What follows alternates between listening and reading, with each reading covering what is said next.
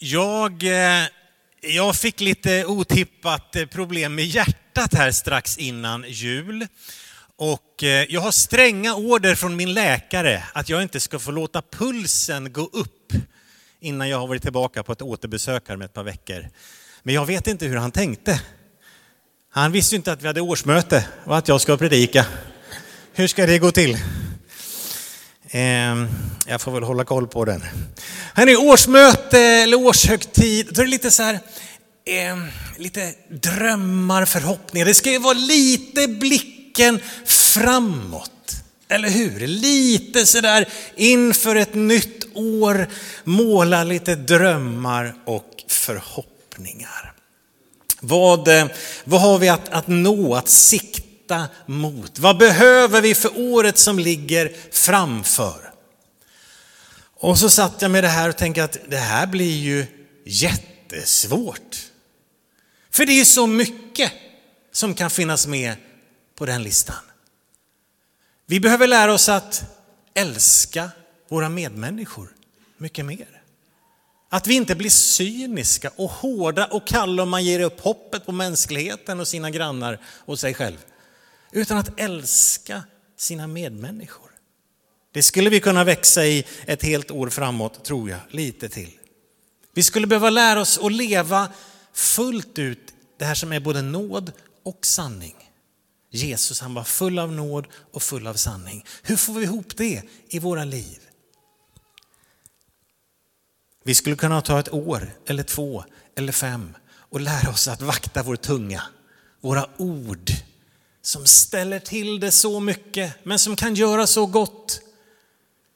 Att sätta en vakt på mina läppar. Om jag inte har någonting gott att säga kanske bättre att inte säga någonting alls.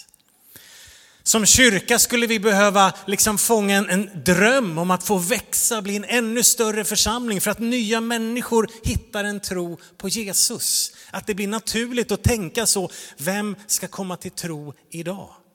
Ganska ofta när vi ber här på söndagarna innan gudstjänsten så ber vi Gud, låt det ske ett frälsningsunder idag. Alltså att du som är här, kanske sitter här just nu men som inte riktigt har bestämt dig, jag vill tro på Jesus eller inte, att du gör det idag. Och att vi får se det varje söndag. Vi behöver växa i generositet på alla plan. När det gäller liksom i relationer till varandra, öppna upp våra hem, dela med oss av vår tid, av vår kraft, våra resurser. I det vi gjorde alldeles nyss här med kollekt att ge till Guds verk. Tiondegivandets välsignelse. Här har vi bara, vi ska ju om eh, kanske ett par månader Daniel, eller när kommer våra nya högtalare? En månad eller någonting? Yes, det blir jättebra. Jag kommer predika ännu bättre då med nya högtalare. De ska ju betalas. Och vi saknar en hel del för att komma upp till det. Att växa i generositet, att se att allt det jag har, det är bara ett förvaltarskap av det Gud har gett mig. Och det finns så mycket mer frihet som vi skulle kunna få uppleva. Frihet ifrån människofruktan, frihet ifrån synd och från rädslor, allt möjligt som vill binda oss. Så den här listan, den kan ju bli jättelång. Att få växa i ordet och bönen. Att, att Bibeln får bli liksom nära och bli mig kär. Att få komma in i bönens stillhet, närheten till Jesus. Och vad av allt det här ska då sägas på ett årsmöte 2024? Ja, det var en vers i slutet på din bibel som dröjde sig kvar lite grann när jag satt i bön och fundering och eh, läste. I Uppenbarelseboken, när Johannes har beskrivit så mycket av vad de som läste brevet då, vi pratar liksom i slutet på det första århundradet, han beskriver allt det som sker, det de lever i, men också det som han verkar se i det som kommer långt, långt i framtiden där vi ännu inte är än, av det här som är så svårt att förstå. Det är som att när han har sagt allting, av både av det som är just nu och det som ska komma, så några av de sista verserna i din bibel. I Uppenbarelseboken 22.17 landar han i de här orden. Anden och bruden säger kom. Och den som hör det ska säga kom. Och den som törstar ska komma och den som vill ska fritt få ta emot livets vatten. Jag läser det igen. Anden och bruden säger kom. Den som hör det ska säga kom. Och den som törstar ska komma och den som vill ska fritt få ta emot livets vatten. Så ber jag dig Herre att du ska låta ditt ord verkligen få vara ett levande ord idag. Att det vi läser på de här sidorna, det är inte bara människors kloka tankar om dig. Utan det är du som talar till dina barn. Så låt oss Herre få höra hur du helige Ande säger någonting in i våra liv idag, jag ber dig. Amen. Amen. Det finns ett kom. Det finns en inbjudan ständigt från Jesus att komma lite närmare. Ta ett steg till mot honom. Öppna hjärtat en gång till. Kom till mig. Vandra med mig, pröva mig, följ mig. Redan i Bibelns, liksom på de första sidorna i Bibeln. I Edens lustgård så hör vi nästan samma rop när människan, Adam och Eva, de har brutit mot Guds bud. Och de skäms och de springer iväg och gömmer sig så står det att Gud vandrar i lustgården och sen så ropar han på dem och säger Adam, var är du? Gud frågar efter dig. Gud frågar efter människan. Han har gjort det från Bibelns första kapitel och han gör det till Bibelns sista kapitel. Kom till mig. Var är du? Jag vill vara tillsammans med dig. Den Gud jag tror på säger inte först och främst Jörgen, gå dit och gör det och fixa och gör lite gott. Och när det gäller ditt liv, kom igen, skärp dig, snygga till dig, sen kan du komma tillbaka till mig.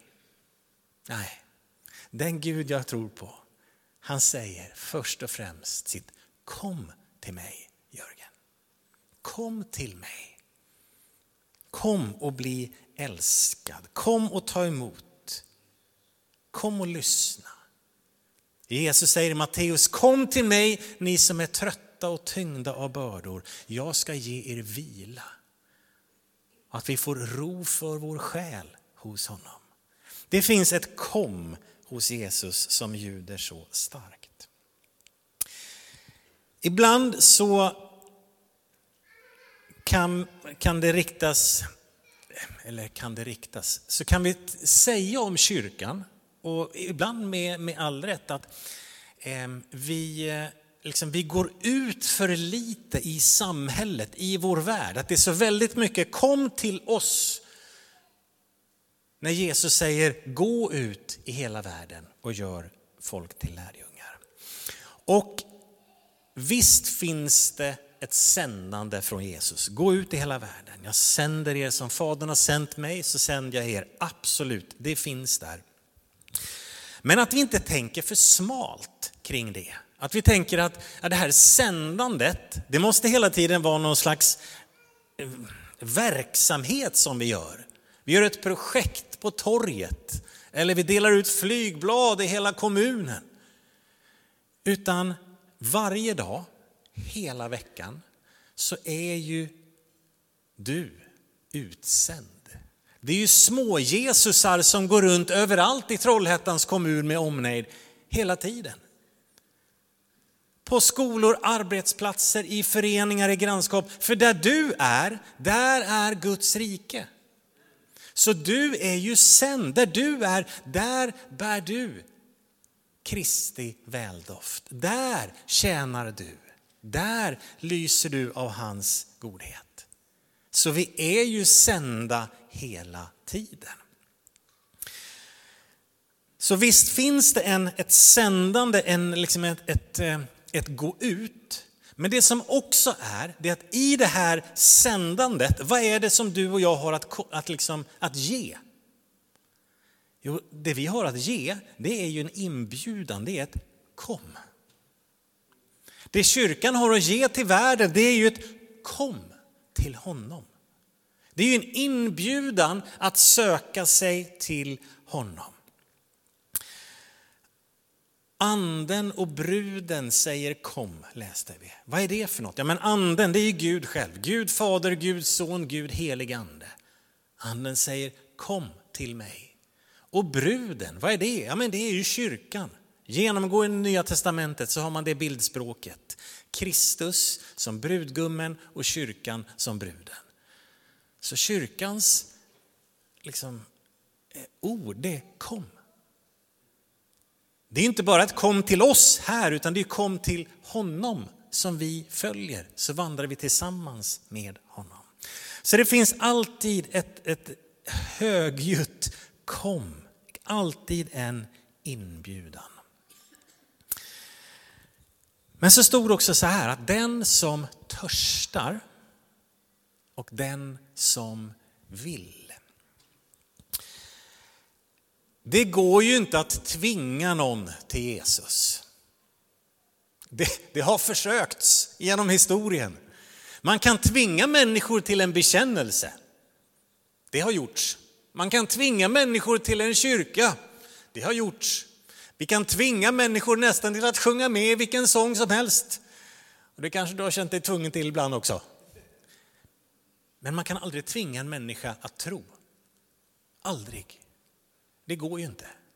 Som förälder kanske tänker så här, vad synd. För när det gäller ens barn, man önskar ju så att de skulle få tag på Jesus. Kan jag tvinga dem? Nej, det kan jag ju inte. Utan det finns någon slags inbjudan där också. Den som törstar och den som vill. Vi ser i evangelierna gång på gång runt Jesus så ser vi människor som inte ville tro. De ville inte. De sa, ge oss ett tecken. Och så fanns det massa tecken, men de såg inte, för de ville inte se. Och en del av, det finns väl många anledningar till det. Men vi ser ibland hos en del av dem, hos eh, de som satt på makten, var ju att oj, hur ska det gå nu? Kommer romarna att ta ifrån oss vårt folk och vårt tempel? Vår status, vår kontroll, där vi är. Hur ska det här gå? Alltså man var så mån om sitt eget. Man tyckte att man hade så mycket att förlora så att man ville inte se det som var. Man ville inte tro. Och så fanns det andra människor som ville tro. Det var både skriftlärda och soldater och sneseglare som prostituerade och tullindrivare och tjuvar och allt annat. De såg tecken, de märkte och de trodde och livet förvandlades. Varför? För de ville tro. Kan det vara så enkelt? Ja, Ibland är det ju så. Vill du inte se så kommer du inte se. Vi kan absolut, och vi ska med goda argument, med resonerande och allt möjligt, ett liv som präglas av Guds kraft i bön, så vill vi föra människor till Jesus. Det vill vi. Men vi kan ju aldrig putta någon till Jesus. Det kan vi inte. Vi kan inte tvinga någon annan, utan det är alltid en uppmaning. Kom, sök, pröva, försök, testa en gång. Det finns en, en underbar berättelse i Johannes evangeliets fjärde kapitel.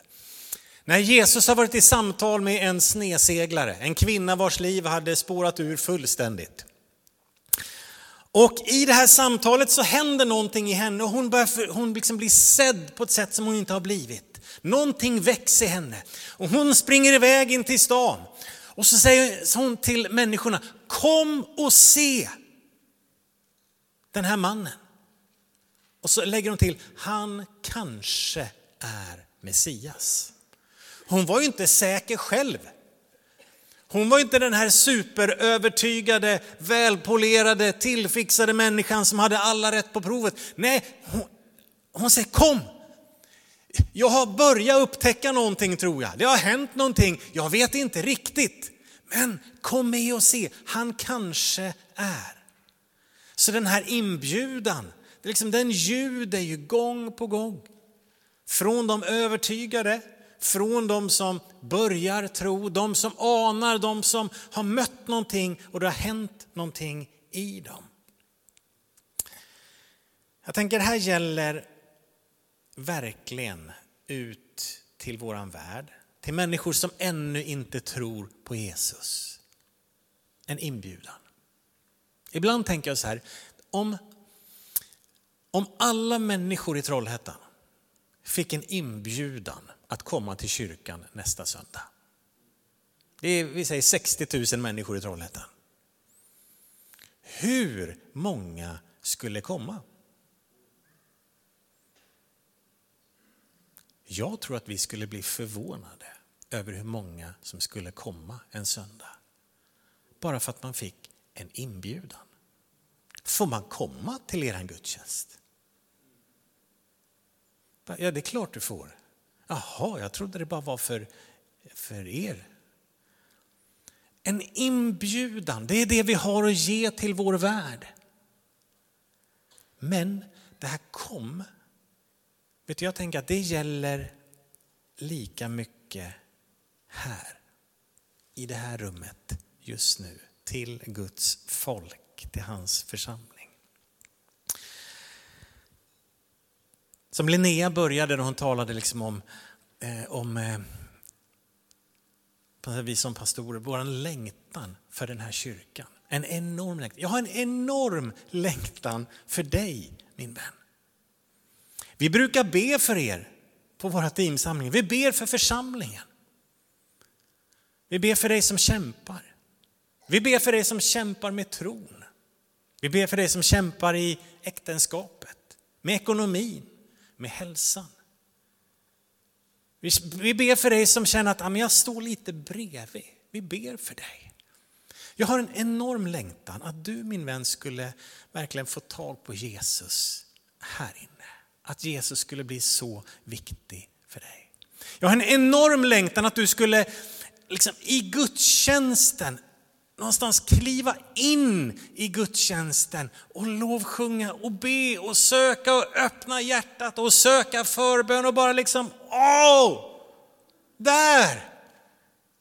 För man kan vara på en gudstjänst ganska många gånger och titta på och det bara går förbi en. Ja, det var bra idag. Jag har en enorm längtan att du skulle uppfyllas av den helige Ande, få tala i nya tungor. Va? Ja, det, det har jag.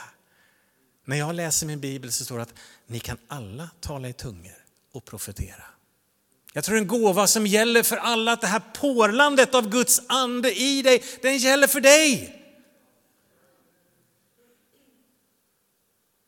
Vet du, det är min längtan för dig. Jag har en enorm längtan för dig att församlingen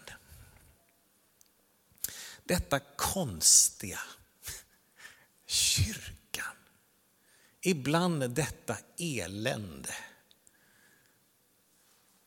Men det som är detta vackra, Guds församling.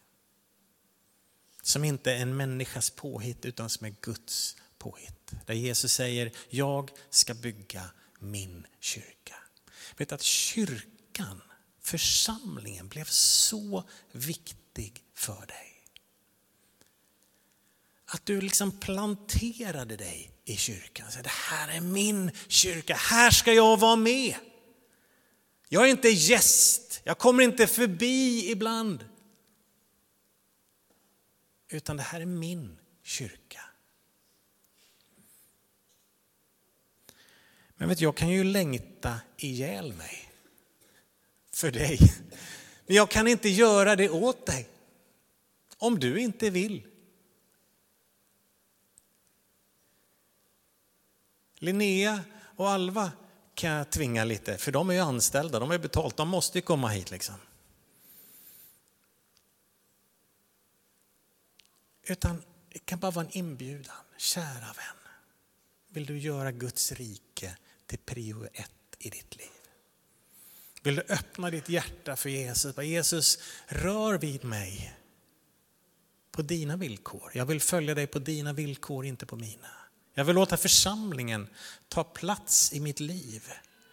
Att det blir viktigt för mig. Det som är viktigt för dig Jesus vill jag ska vara viktigt för mig.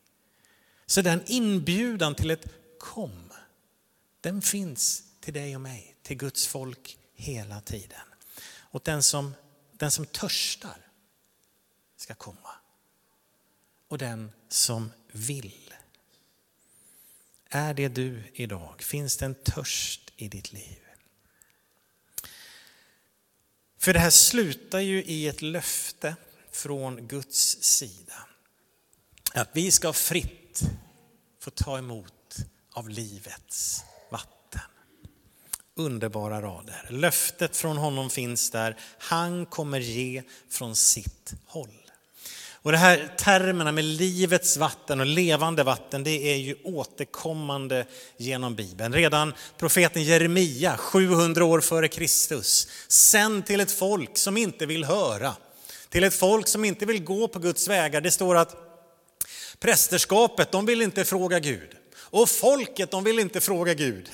Men Gud sänder Jeremia till dem ändå. Och när Gud ska beskriva folket för Jeremia i kapitel 2, precis i början där, så säger han så här att de har övergett mig, källan med det levande vattnet och gjort sig usla brunnar som inte håller vatten. De har övergett mig, källan med levande vatten. Att Guds vägar och livet med honom, att fråga efter honom och säga Gud, ske din vilja, vart går du? Det är som att gå till brunnen med levande vatten vatten som aldrig tar slut. Levande, porlande, fullt av liksom, åh! Oh!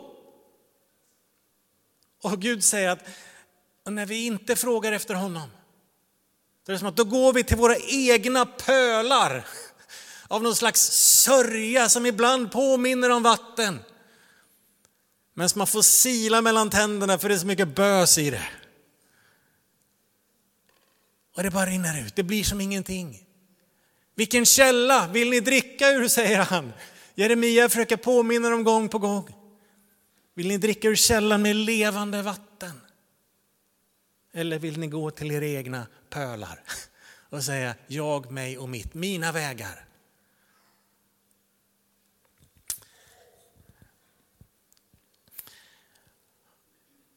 Det finns det här löftet finns där. Hans vägar är goda vägar. Det finns inga besvikna människor runt Jesus.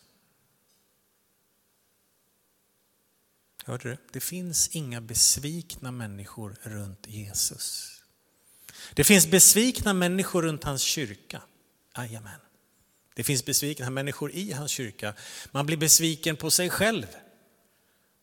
Man kan bli besviken på en pastor, på ett ledarskap. Man kan bli besviken på alla möjliga, absolut.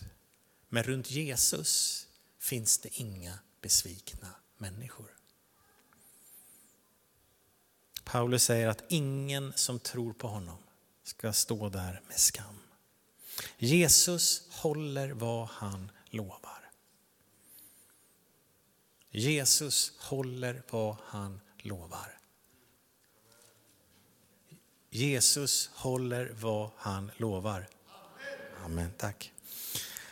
Om han säger att han ska ge livets vatten till den som törstar och den som vill, då kommer han att göra det.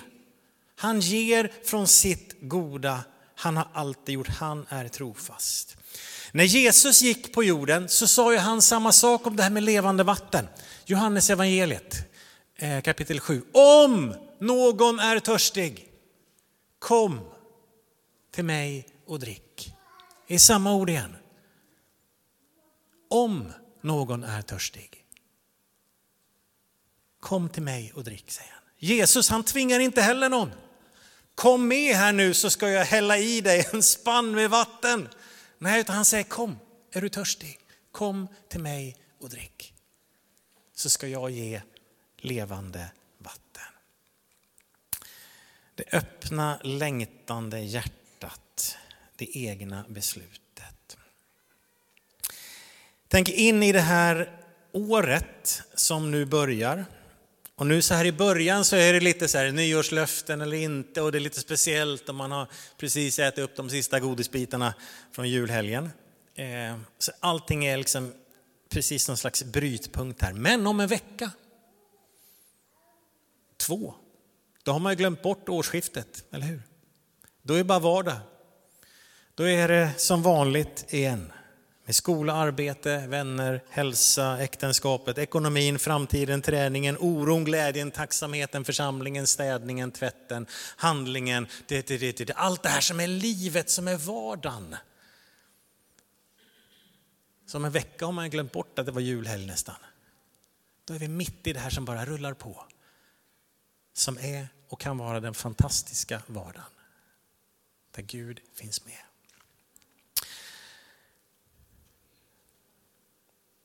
Jag tror att det vi behöver, förutom alla de här grejerna som jag sa i början, den långa listan, var att älska människor, drömma om nya människor, att vakta vår tunga, att leva generöst, så börjar ju det någonstans. Och jag tror att det börjar i Uppenbarelseboken 22 och 17 som vi läser en gång till. Anden och bruden säger kom. Och den som hör det ska säga kom. Och den som törstar ska komma och den som vill ska fritt få ta emot av livets